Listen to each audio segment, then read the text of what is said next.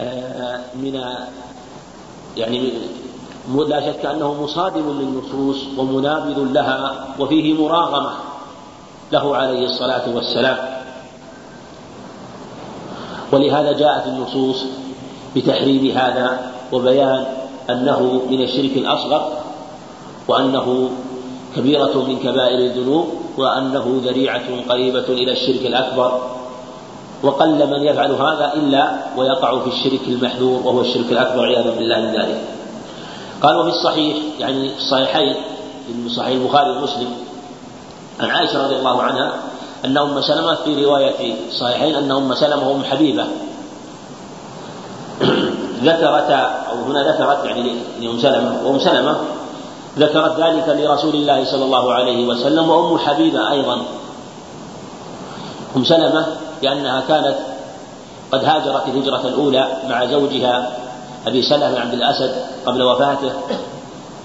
هاجرت الهجرة الأولى ورأت تلك الكنيسة وأم حبيبة هاجرت الهجرة الثانية مع زوجها عبيد الله عبيد الله بن جحش. ثم هلك عنها في الحبشة وقيل إنه تنصر ومات على نصرانيته عياذا بالله بذلك فالمقصود أنه عليه الصلاة والسلام ذكرت ذكرت أم سلمة له ذلك بعد ذلك يعني بعد بعد ذلك وكذلك أم حبيبة. كنيسة رأتها بأرض الحبشة وما فيها من الصور. وهذا هو دأب النصارى ومن كان على طريقتهم آل بهم الأمر بعد تصوير هذه الصور وتعظيمها إلى الشرك بها وعبادتها من دون الله سبحانه وتعالى. وهذا شبيه بما سبق في الباب قبله حيث صوروا تلك الصور على صور تلك الرجال الصالحين ود وسواع ويغوث ويعوق ونسر ثم آل به الأمر إلى أن عبدوهم من دون الله. ولهذا تعظيم الصور من أعظم الذرائع إلى الشرك. فهكذا ما وقع به النصارى الذين حذرنا عليه الصلاة والسلام من سنتهم ومن طريقتهم. فقال عليه الصلاة والسلام يخاطب سلمة أم حبيبة أولئك إذا مات فيهم الرجل الصالح إذا مات فيهم الرجل الصالح أو العبد الصالح بنوا على قبره مسجدا. بنوا على قبره مسجد وجعلوه محلا للصلاة. وهذا ظاهره أنهم يبنونه بناء حقيقيا وأنهم يجعلون القبر داخل المسجد ويظنون أن عبادة الله سبحانه وتعالى عند هذا القبر أعظم. وإلا هم لي يعني ليس بناؤهم المسجد لأجل عبادة صاحب القبر. لكن ظنوا أن عبادة الله في عند هذا القبر أنها أفضل وأعظم. ولهذا لعنهم أو كونهم شرار الناس أو من كونهم من شرار الخلق هو مختص بمن بنى المسجد على هذه القبور. أما إذا عبدها دون الله فهو كفر أكبر سواء بنى مسجدا أو لم يبني أو لم مسجدا. فكونهم شرار وقوله وإشارته عليه الصلاة والسلام إلى أنهم شرار الخلق لأجل بنائهم المساجد ولأن هذا فيه فتح لباب الشرك الأكبر. فلهذا قال بنوا على قبره مسجد وصوروا فيه تلك الصور. صوروا فيه هذه الصور التي يزعمون آه، أنها لأناس صالحين. إما أنهم يصورون صورا لأنبيائهم أو لصالحيهم أو صورة لصاحب القبر أو غير ذلك فالمقصود أنهم يصورون الصور تعظيما لها. أولئك شرار الخلق بالغ عليه الصلاة والسلام ذلك عند الله. ولهذا كما سيأتي في حديث ابن مسعود أن شرار الخلق من تدركهم الساعة وهم أحياء. وهم الذين يتخذون الأصنام والأوثان وعليهم تقوم الساعة. قال فهؤلاء وهذا الكلام من كلام شيخ الإسلام رحمه الله ابن تيمية جمعوا بين الفتنتين فتنة القبور وهي بناء المساجد عليها وهو ما أشار إليه عليه الصلاة والسلام بنوا على قبره مسجدا وفتنة التماثيل في قوله وصوروا فيه تلك الصور جمعوا بين فتنة القبور يعني فتنة البناء عليها واتخاذها مساجد سواء بني عليها أو لم يبنى عليها. وكذلك تصوير آه، أصحاب هذه القبور أو غيرهم من الأنبياء والصالحين مما آل به الأمر إلى أن عبدوهم دون الله سبحانه وتعالى. ولهما يعني البخاري ومسلم. عنها عن عائشة رضي الله عنها قالت لما نزل برسول الله صلى الله عليه وسلم يعني لما نزل به ملك الموت عليه الصلاة والسلام. يقال الظهر نزل ونزل مضبوط ظهر الوجهين. نزل يعني نزل به الموت نزل. نعم. لما نزل برسول الله صلى الله عليه وسلم. مو لازم يذكر الفاعل؟ نعم. كيف؟ هو إذا قلنا نزل صار النجوم إذا قلنا نزل نزل برسول الله صلى الله عليه وسلم. نعم.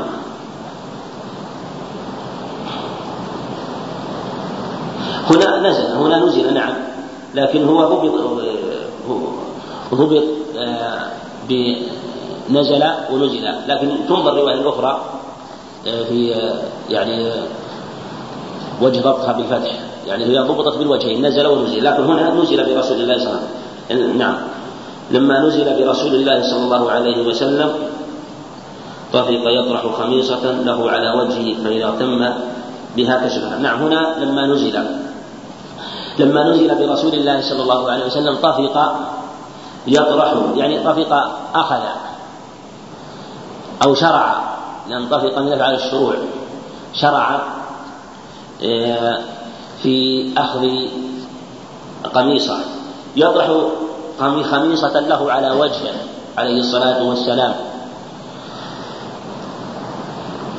فإذا اغتم بها كشفها. خميصة كسى عليه شيء من الخطوط أخذها عليه الصلاة والسلام لحاجته إليها لما نزل به الموت. فجعل يجعل فيضعه على وجهه عليه الصلاة والسلام. فإذا اغتم يعني إذا احتبس نفسه من أثر آه، وجود هذه الخميصة رفع عن وجهه حتى يأخذ النفس عليه الصلاة والسلام. فإذا اهتم بها كشفها فقال وهو كذلك لعنة الله على اليهود والنصارى. لعنة الله على اليهود والنصارى. ما السبب؟ اتخذوا قبور أنبيائهم مساجد. لعنهم لأنهم اتخذوا قبور أنبيائهم مساجد هذا يدل على أنه من الأفعال المنكرة ومن الكبائر العظيمة لأنهم اتخذوا قبور أنبيائهم مساجد استقل باللعنة. وليس لأنهم عبدوهم دون الله لا. لكن لأنهم اتخذوا قبور أنبيائهم مساجد واتخاذها مساجد قد يكون بالبناء عليها. وقد يكون بالصلاة عندها أو رجاء الإجابة. فليس فلا يلزم من اتخاذها مساجد أن يصل أن يبنى عليها لأن لأن آه، من صلى في الموضع فقد اتخذه مسجدا. وموضع الصلاة يسمى مسجد لأنه يسجد عليه ويصلى فيه. فهذا هو المراد. وقد يكون أنهم اتخذوها مساجد بمعنى أنهم عبدوهم دون الله سبحانه وتعالى. لكن الظاهر والله أعلم أنهم اتخذوها مساجد بمعنى أنهم عبدوا الله عندها وظنوا أن عبادة الله عندها أفضل وأعظم. إذ لو كان المراد عبادتهم دون الله سبحانه وتعالى لكان التنصيص عليه أظهر وهم بلا شك هم عبدوهم دون الله لكن أول أول الأمر ومبتدأ الأمر في عبادتهم أن عبدوا الله عندها أو سألوه عندها أو ظنوا أن إجابة الدعاء أرجى عند القبور ثم آل بهم الأمر إلى أن عبدوهم من دون الله سبحانه وتعالى. يحذر ما صنعوا. يحذر ما صنعوا. ولولا ذلك وهذا قول يحذر ما صنعوا هذا مدرج من اللفظ من يظهر ليس من كلامه عليه الصلاة والسلام لأنه واضح أنه قال يحذر ما صنعوا للنبي عليه الصلاة والسلام. إما من كلام عائشة والأظهر يعني أو غيرها. ولولا ذلك لولا ذلك يعني هو التحذير من سنة اليهود والنصارى وخشية الوقوع فيها أبرز قبره غير أنه خشي أن يتخذ مسجدا. لولا ذلك الأمر لأبرز قبره لا قبر عليه الصلاة والسلام في مكان ظاهر واضح بارز في البقيع مع مع سائر الصحابة. لكن إما أنه خشي عليه الصلاة والسلام إن ضبطته بفتح الخاء خشية فيكون هو الذي أمر بدفنه في البيت في بيت في حجرة عائشة وألا يدفن في مكان ظاهر. أو يكون خشية وهو الأقرب والأظهر. فخشي يعني خشية خشية عائشة ومن معها من الصحابة أن يتخذ قبره مسجدا. فلهذا دفن عليه الصلاة والسلام في حجرة عائشة. أنه خشي لأن الصحابة خشوا أن يتخذ مسجدا يصلى عنده وأن ترجى الدعوة عنده. وقد حذر عليه الصلاة والسلام من هذا الأمر أشد التحذير. فلما خشي الصحابة ذلك رضي الله عنهم دفنوه في مكانه. ويدل أنه هو أن الخشية من الصحابة رضي الله عنهم وأنهم هم الذين صنعوا ذلك أنهم اختلفوا في أين يدفن. وإلا لو كان عهد إليهم أن يدفن في مكان معين لم يحصل اختلاف بين الصحابة رضي الله عنهم. فلهذا قال اتفقوا بعد ذلك أن يدفن عليه الصلاة والسلام في حجرة عائشة رضي الله عنها. قال أخرجاه وقد نبه على أنه قال ولهما وهو يعني قوله ولهما يكفي عن قول أخرجاه لكن لعله سهو من المؤلف رحمه الله لأنه يبني من حفظه. فكتب أخرجاه وما ولم ينتبه إلى قوله إلى كلامه في أول الحديث ولهما. والمقصود أنه أخرجه هو البخاري ومسلم. ولمسلم عن جندب بن عبد الله البجلي قال سمعت النبي صلى الله عليه وسلم يقول قبل أن يموت بخمس وهو يقول إني أبرأ إلى الله أن يكون لي منكم خليل. فإن الله اتخذني خليل. هذا يبين له أنه عليه الصلاة والسلام هو خليل الله كما أن إبراهيم عليه الصلاة والسلام خليل الله. فهما الخليلان وليست الخلة لأحد غيرهما. وسمي الخليل خليلا لأن المحبة تخللت قلبه. فالخلة أعظم من المحبة. ولهذا كان يحب كثيرا من أصحابه عليه الصلاة والسلام وكان يحب أبا بكر لكن لم يتخذ خليلا لأنه لأنه خليل الله. فلم يرد أن يتخذ خليلا غيره سبحانه وتعالى ولأجل هذا قال فإن الله يعني فلم يرد أن يكون له خليل لأن الله اتخذه خليلا كما اتخذ إبراهيم خليلا. وبهذا بيان آه،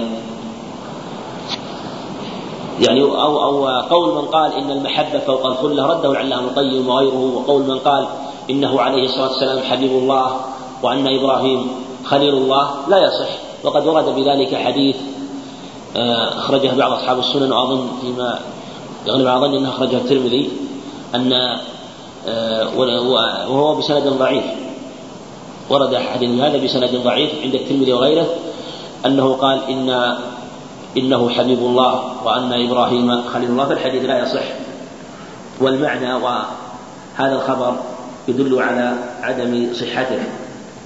ولو كنت متخذا من أمتي خليلا لاتخذت أبا بكر خليلا. لما له من السابقة في الإسلام ونصر الإسلام في أول الأمر حيث كان عليه الصلاة والسلام وحيدا ليس معه أحد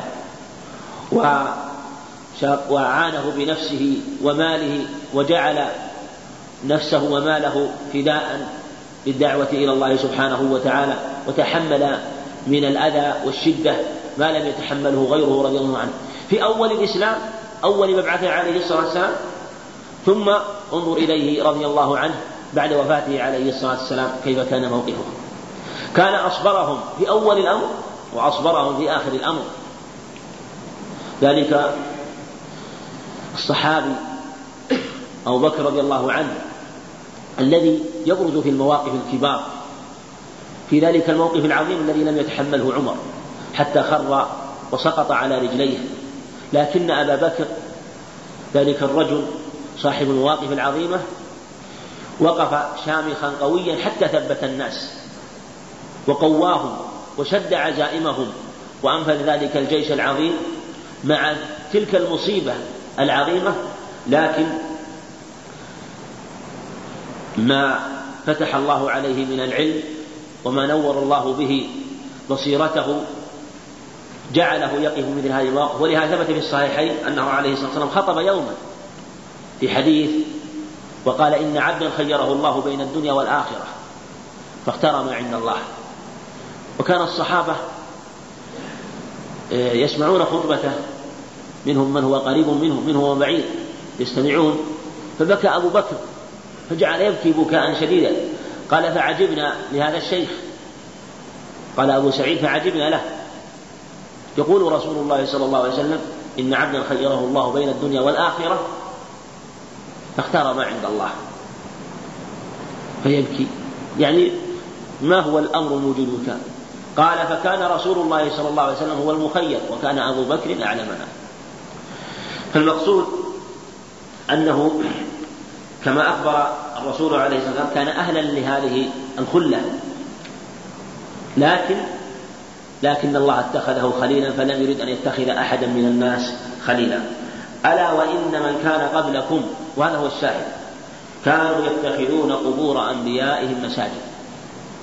في صحيح مسلم يتخذون قبور أنبيائهم وصالحيهم مساجد.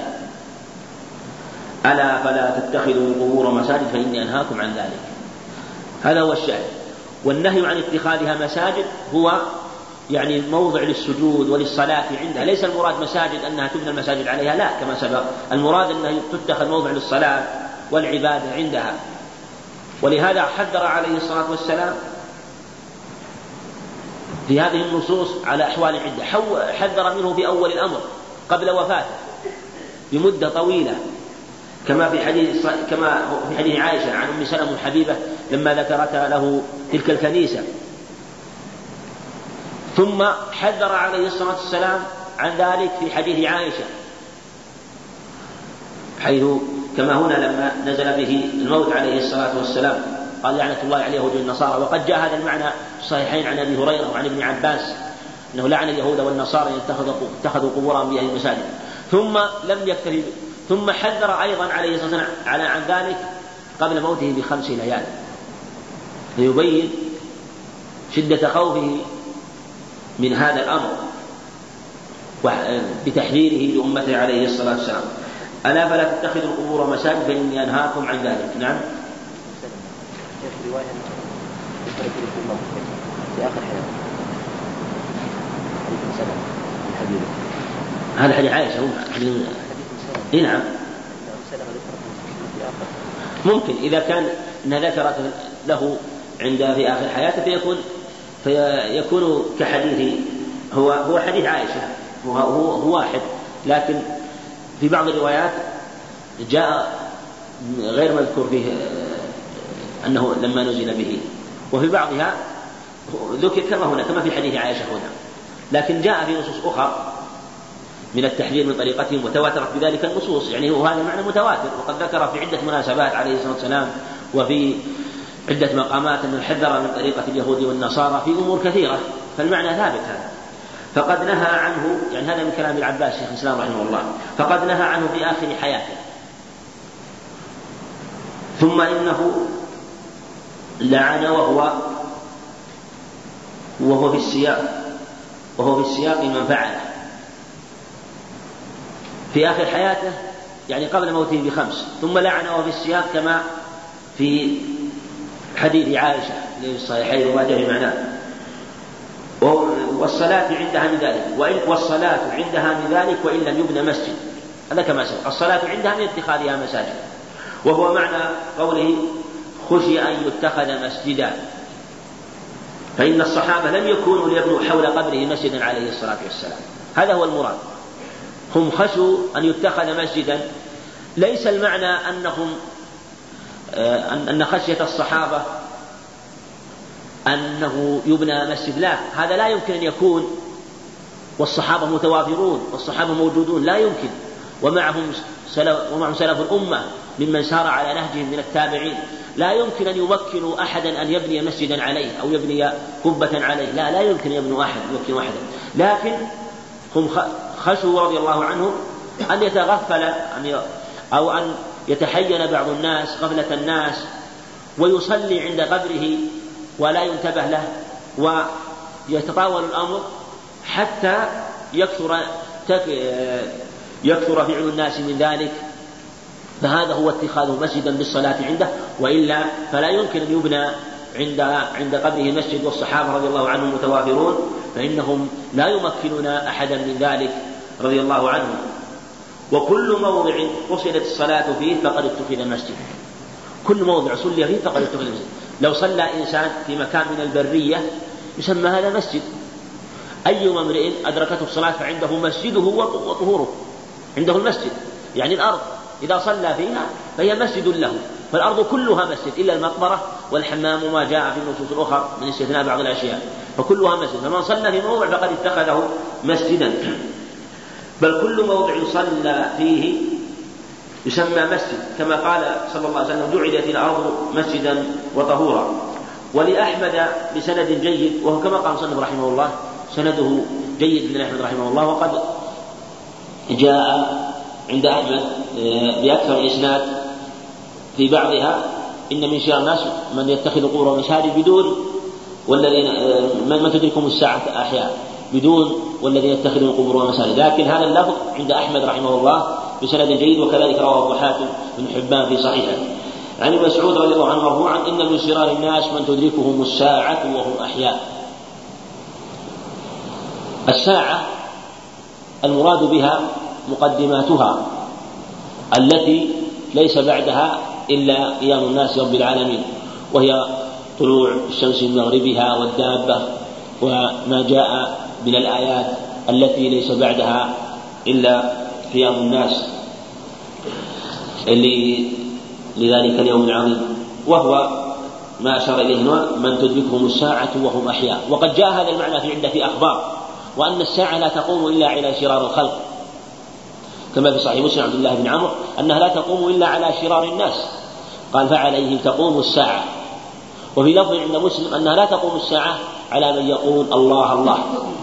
هذا يبين أنها لا تقوم إلا على قوم يشركون وأنهم غير موحدين. ولهذا في بعض الألفاظ أنه يتمثل لهم الشيطان فيعودون إلى جاهليتهم ويعبدون الأصنام والأوثان. وفي بعض الألفاظ إيه، كما في صحيح مسلم ويبقى شرار الناس في خفة الطير وأحلام السباع وفعليهم تقوم الساعة. والذين يتخذون القبور مساجد. يعني وقوله والذين عطف على قوله إن من شرار الناس. يعني و إيه، وكذلك الذين يتخذون القبور مساجد يعني أنهم من شرار الناس وهذا يدل على تعظيم على تحريم هذا الفعل وأنه من المنكرات الكبيرة التي تؤول إلى الشرك الأكبر كما سبقت الإشارة إليه والله أعلم. نعم. نعم. مثل ويش وش مقدمة الساعة تأتي؟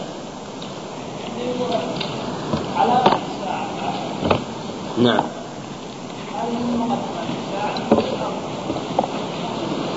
مثل ماذا؟ نعم. والدجال؟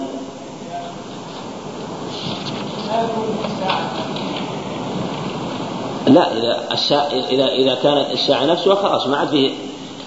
إذا قامت الساعة قام الناس جميعا. أقول ما هناك أناس يتميزون لكن المراد والله أعلم بهذا يعني أن الساعات يعني عندنا الساعات الكبار تختلف والله أعلم. منها ما هو قريب من آه من القيامة. عندما طلوع الشمس من مغربها إذا طلعت الشمس من مغربها انتهى الأمر. هذه أمر واضح. لا ينفع نفس نفسا لم تكن آمنت من قبل أو كسبت في إيمانها خيرا. وهذا يدل على أنهم يبقون بعد قيام بعد طلوع الشمس. ويدل ويدل أن أن بعضهم آه، قد آه، يدعي الإيمان أو ما أشبه ذلك. وبالجملة الآيات مختلف فيها اختلاف كثير. لا في ترتيبها ولا في مسألة قيامها على من تقوم. مختلف فيها اختلاف كثير. وذكر السفاريني ذكر كلام كثير حول أن بعض أن بعض الناس يبقون بعد طلوع الشمس من مشرق مغربها وأنهم آه، أن بعضهم ممكن أن يؤمن ويتوب من المعاصي إذا استمر إذا بقوا مدة طويلة ونسوا تلك الساعات الكبرى. يقول يعودون إلى التكليف وذكر أشياء ما أسندها ولا ذكر لها أدلة. ونقلها عن غيره. لكن نقطع يعني أن الساعة كما قال عليه تقوم على شراء الناس وأن هنالك وقت لا ينفع الإيمان ولا ينفع التوحيد وهناك قيامة سابقة على تلك القيامة. ولأجل هذا قال عليه الصلاة والسلام كما في الصحيحين من حديث معاوية وفي الصحيحين من حديث المغيرة بن شعبة وقد روى مسلم عن أكثر من سبعة من الصحابة منهم عقبة بن عامر ومنهم ثوبان منهم جابر بن عبد الله جماعة والحديث متواتر عند أهل العلم أنه قال لا تزال طائفة من أمتي ظاهرين عن الحق وفي لفظ يقاتلون عليه حتى تقوم الساعة. حتى تقوم الساعة. هذا ظاهر أن أن هؤلاء من خيار الأمة ومن خيار الناس يبقون حتى قيام الساعة. لكن الصواب في أن هذه الساعة المذكورة هي ساعة غير الساعة الكبرى والمراد بها قبض أرواحهم وأنها تقبض أرواحهم فهذه هي ساعتهم والمراد بالساعة هي قبض أرواحهم كما جاء في صحيح مسلم أن الله يبعث ريحا في بعض ريحا من اليمن ألين من الحرير. فتقبض أرواحهم. في لفظ أنها تقبضها من عند من آباطهم. تقبضها من آباطهم. إيه، فهذا أيضا قد يشكل هذا اللفظ لكن هذا الجمع جيد في هذا أن يقال أن هذه الساعة هي المراد الساعة التي هي قيامته إيه، موته. خلافا لبعض الشراح كابن بطال حينما قال قال لعل هؤلاء الذين تقبض أرواحهم وتقوم الساعة الذي تقوم عليهم الساعة وهم الطائفة المنصورة لعلهم في مكان غير المكان الذي فيه شرار الخلق الذين عليهم تقوم الساعة. لأنه لما أشكل الأمر أنها تقوم الساعة وجاء في بعض الألفاظ أنها تقوم على شرار الخلق وفي بعضها أنها تقوم الساعة أن هؤلاء يقاتلون إلى قيام الساعة وأنهم منصورون إلى قيامها. فقال إنهم لعلهم في مكان غير المكان الذي فيه هؤلاء القوم لكن هذا الجمع ضعيف. والأظهر هو الجمع بما دلت عليه الأخبار أنها تقبض أرواحهم قبل ذلك وقد جاء هذا في يعني أن قبض أرواحهم في صحيح مسلم عن اثنين من الصحابة منهم عبد الله بن عمرو وصحابي آخر. المقصود أن حديث ترتيب ترتيب علامات الساعة الكبرى فيها اختلاف كثير ولم يأتي عن المعصوم عليه الصلاة والسلام شيء يبين ترتيبها وقد اجتهد بعض العلماء كالقرطبي في التذكرة والسفاريني في اللوامع وغيره اجتهدوا ذكروا في ترتيبها أشياء لكن الله أعلم ب يعني صحة الترتيب. ما لم يأتي شيء واضح يدل على آه، ترتيبها عن المعصوم عليه الصلاة والسلام. نعم. سم. ما الصوت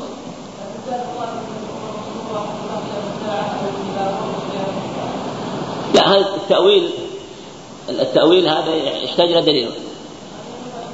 أقول كلمة إلى إلى قرب قيام الساعة هذا يحتاج إلى إلى دليل.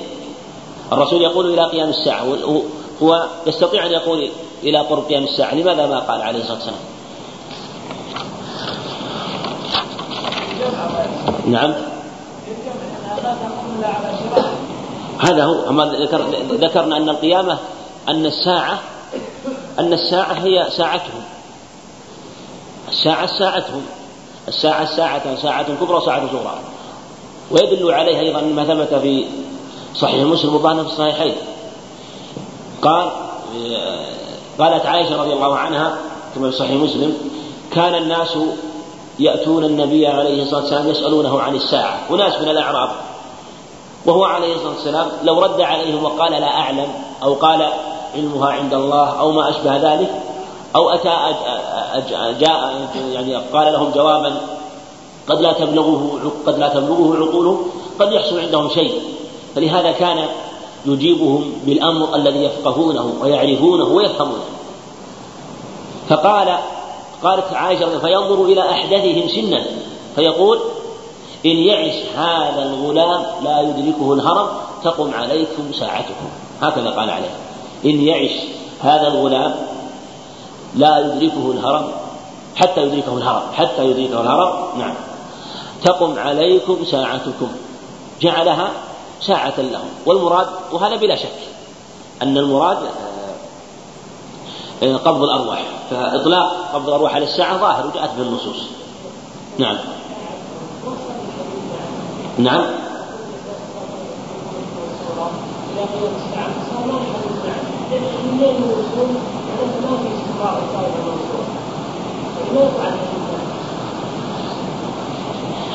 المراد الطائفة المنصورة ليست طائفة معينة. هي هي متواصلة. يأتي قوم ويخلفهم قوم إلى قيام الساعة. هذا المراد. والساعة التي أشرنا إليها إلى الوقت الذي تقبض فيه أرواحهم. ولا شك أنه في آخر الدنيا. نعم. باب ما جاء أن الغلو في قبور الصالحين يصور يصيرها أوثانا تعبد من دون الله. الغلو في قبور الصالحين سبق أن أشار إلى المصنف رحمه الله وبين أنه وسيلة قريبة إلى الشرك الأكبر.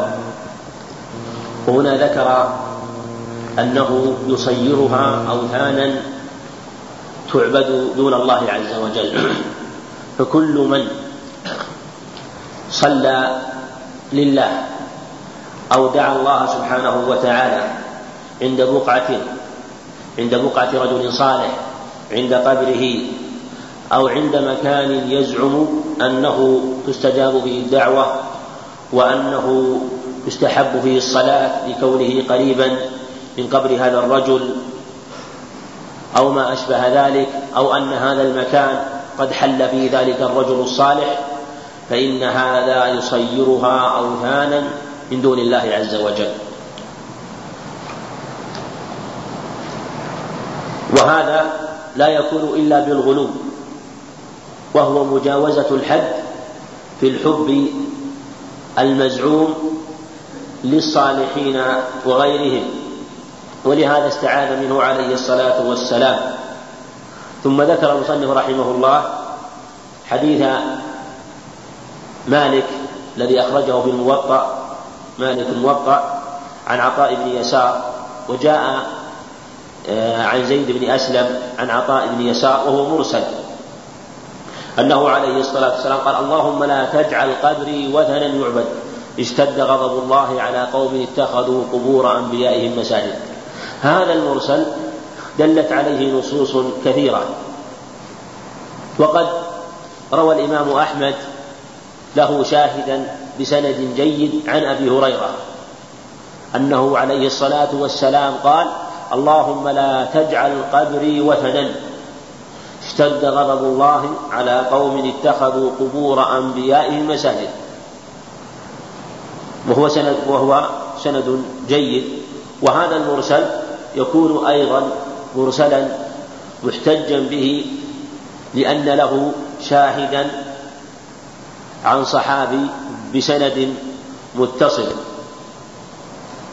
وفيه أنه عليه الصلاة والسلام خاف على أمته طريقة اليهود والنصارى والذي خشيه وقع منذ أزمان متطاولة وهو الغلو في قبور الصالحين وعبادتها من دون الله عز وجل. فلهذا كثرت في هذه الأمة ووقع فيها الشرك الأكبر وزعموا أنه هو الحب وأنه هو توقير الصالحين وأنه هو احترامهم مع أنه هو عين المحادة لله ولرسوله وهو الشرك الأكبر. وأخبر عليه الصلاة والسلام وكما سيذكر له المصنف بابا خاصا أنه لا تقوم الساعة حتى تعبد فئام من أمته عليه الصلاة والسلام الأوثان ويعودون إلى شركهم وجاهليتهم. فلهذا حرص عليه الصلاة والسلام وبالغ في التحذير من الغلو في قبور الصالحين. ثم سأل الله حيث قال اللهم لا تجعل قبري وثنا يعبد اللهم لا تجعل قبري وثنا يعبد وقال جمع من أهل العلم إن الله استجاب دعوته. وأنه حماه وأن قبره لم يكن وثنا. ولم يعبد قبره من دون الله عز وجل.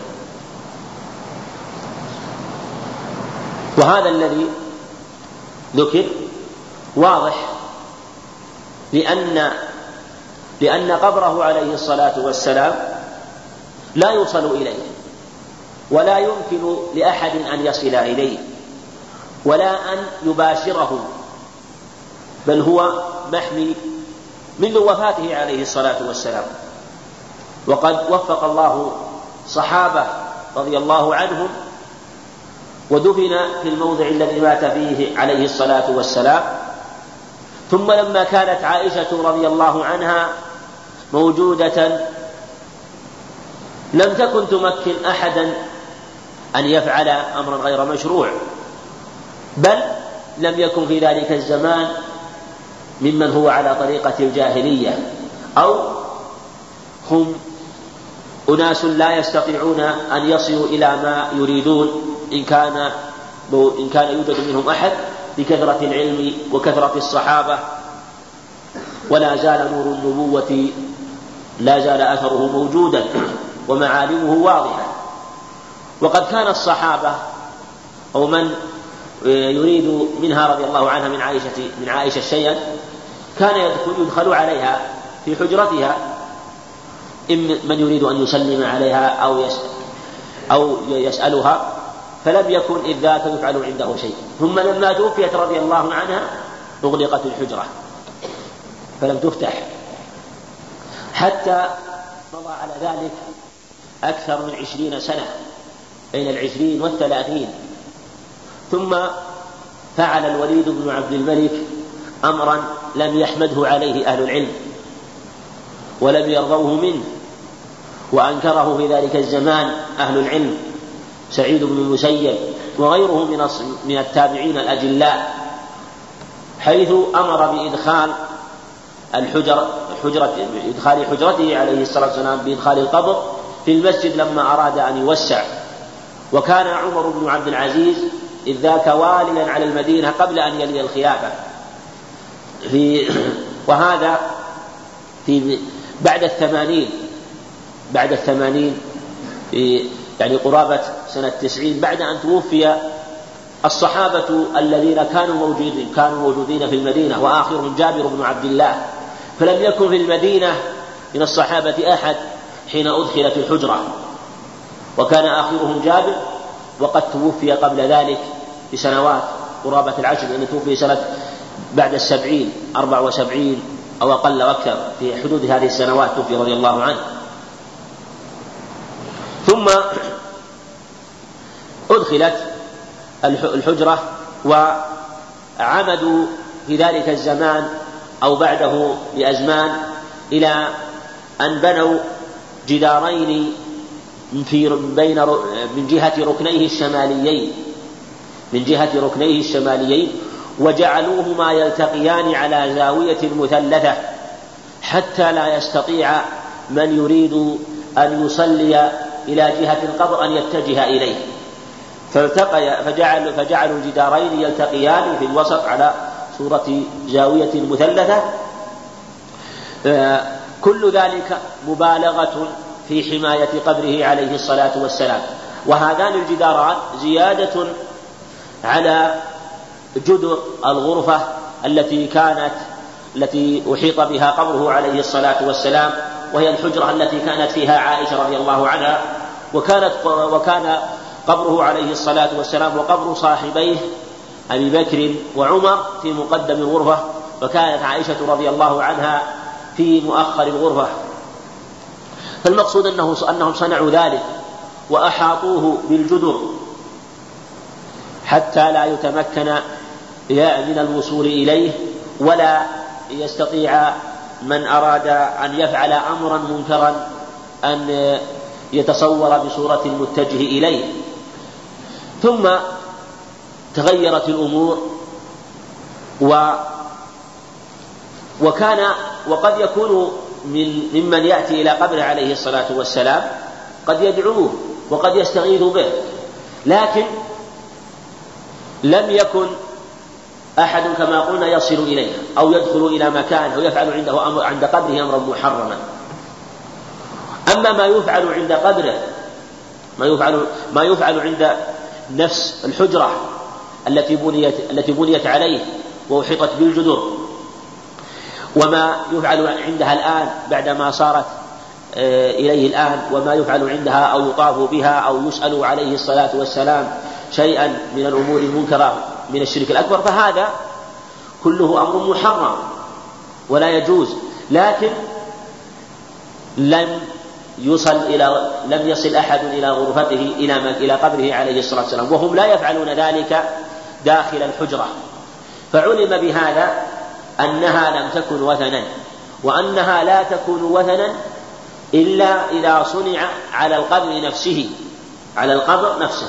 أما إذا كان لم يصل إلى القبر ولم يستطع أن يفعل عنده شيء بأن يكون ملاصقا له مباشرا له فإنه لا يكون وثنا وبهذا يكون قد استجيبت دعوته عليه الصلاة والسلام.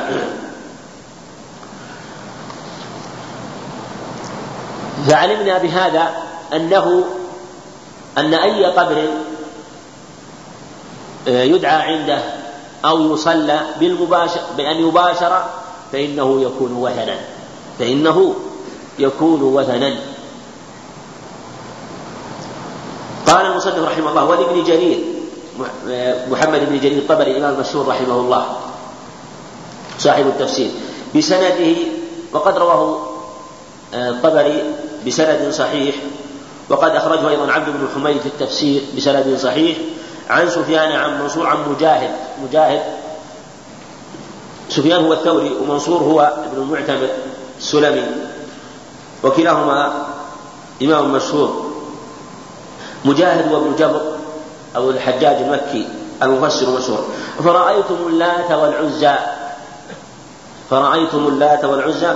قال كان يلت لهم السويق فمات فعكفوا على قبره. فمات فعكفوا على قبره. اختلفت الروايات عن عن الصحابة والتابعين في تفسير هذه الآية وفي شأن هؤلاء. المعبودين. فقيل كما قال مجاهد أنه رجل صالح كان يلت لهم السويق. يلت لهم السويق رجل كان بالطائف يلت للحجاج يعني يخلط السويق وهو البر والشعير الذي يغلى ثم يطحن ثم يخلط بالسمن وغيره إما بزبيب أو تمر أو ما أشبه ذلك ثم يطعمه الحجاج الذين يقدمون إلى مكة. فغلوا في ذلك الرجل وكان رجلا صالحا فيما جاء في الروايات فمات فعكفوا على قبره. وقيل إن اللات إنها صخرة كانوا يعبدونها دون الله عز وجل ويطوفون بها وكان عليها بيت وسدنة وحجبة يعظمونها وتصرف لها النذور وما أشبه ذلك ويقرب لها الهدايا. وهو في الحقيقة لا تنافي بين القولين. إن قيل صخرة أو قيل إنه قبر رجل صالح. لأنه لأن من قال إنه صخرة أراد أنه كان يلت السويق لهم على صخرة. فلما مات حفروا له حفظة بجانبها للصخرة فدفن فيها. فنسب نسبت الصخرة إليه والتعظيم في الحقيقة ليس للصخرة إنما لهذا الرجل الصالح. ولما لكن لما كان لها له أو لها به صلة لكونه يلد عليها آه، نسب إلى الصخرة أو أنهم وقد يكون أيضا لعظيم جهلهم وشفه عقولهم قد يكون أنهم عظموا الصخرة وعبدوها لكونه كان يلت عليها السويق وهذا واقع. فإنهم يعني من تأمل أحوال الجاهلية وجد عندهم عجبا.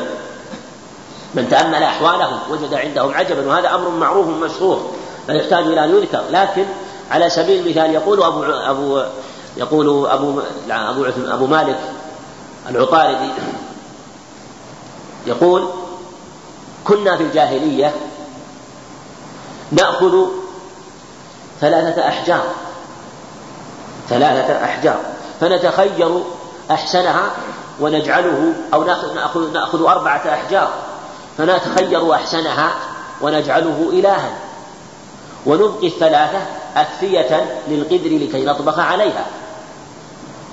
وربما وبعضهم ربما جمعوا كثبة ربما جمعوا كومة من التراب وجاءوا بالشاة فحلبوا عليها شيئا من اللبن حتى شيئا من الحليب حتى تيبس ثم بعد ذلك يعبدونها. فإذا تركوا هذا المكان ذهبوا إلى مكان آخر وصنعوا كما كانوا يصنعون. وقال أبو عثمان النهدي وكلاهما تابعي مخضرم أدرك الجاهلية. يقول كنا في سفرة وكان معنا حجر نعبده دون الله. فصاح بنا قوم قالوا يا قوم إن إلهكم قد ضاع فابحثوا عن إلهكم أو ابحثوا عن إله غيره. فجعلنا نبحث يمينا وشمالا عن هذا الحجر حتى وجدناه فقالوا يا قوم قد وجدنا إلهكم. فهؤلاء لا يستبعد أن يقع منهم مثل هذا وأن يعظموا الصخرة وأن يعبدوها لأن لها صلة بهذا الرجل. فهذه فاللات والآية أفرأيتم اللات بالتخفيف وقرئ اللات اللات من لت يلت يعني لت السويق وهو عجنه وخلطه بالسمن وبغيره فكأنهم فكأنه في الأصل هو اللات لكن خففوه حتى يجعلوه مشتقا من الله من لفظ الجلالة من الإله. كما أنهم جعلوا العزى من العزيز العزى من العزيز وهي شجرة على ثلاث سمرات كانت موجودة بنخلة قرب عرفات كان يعبدها أهل مكة. ومنات كانت قرب الساحل يعبدها أهل المدينة يعبدها جاهلية الجاهليون للمدينة من الأوس والخزرج وغيرهم من كفار العرب.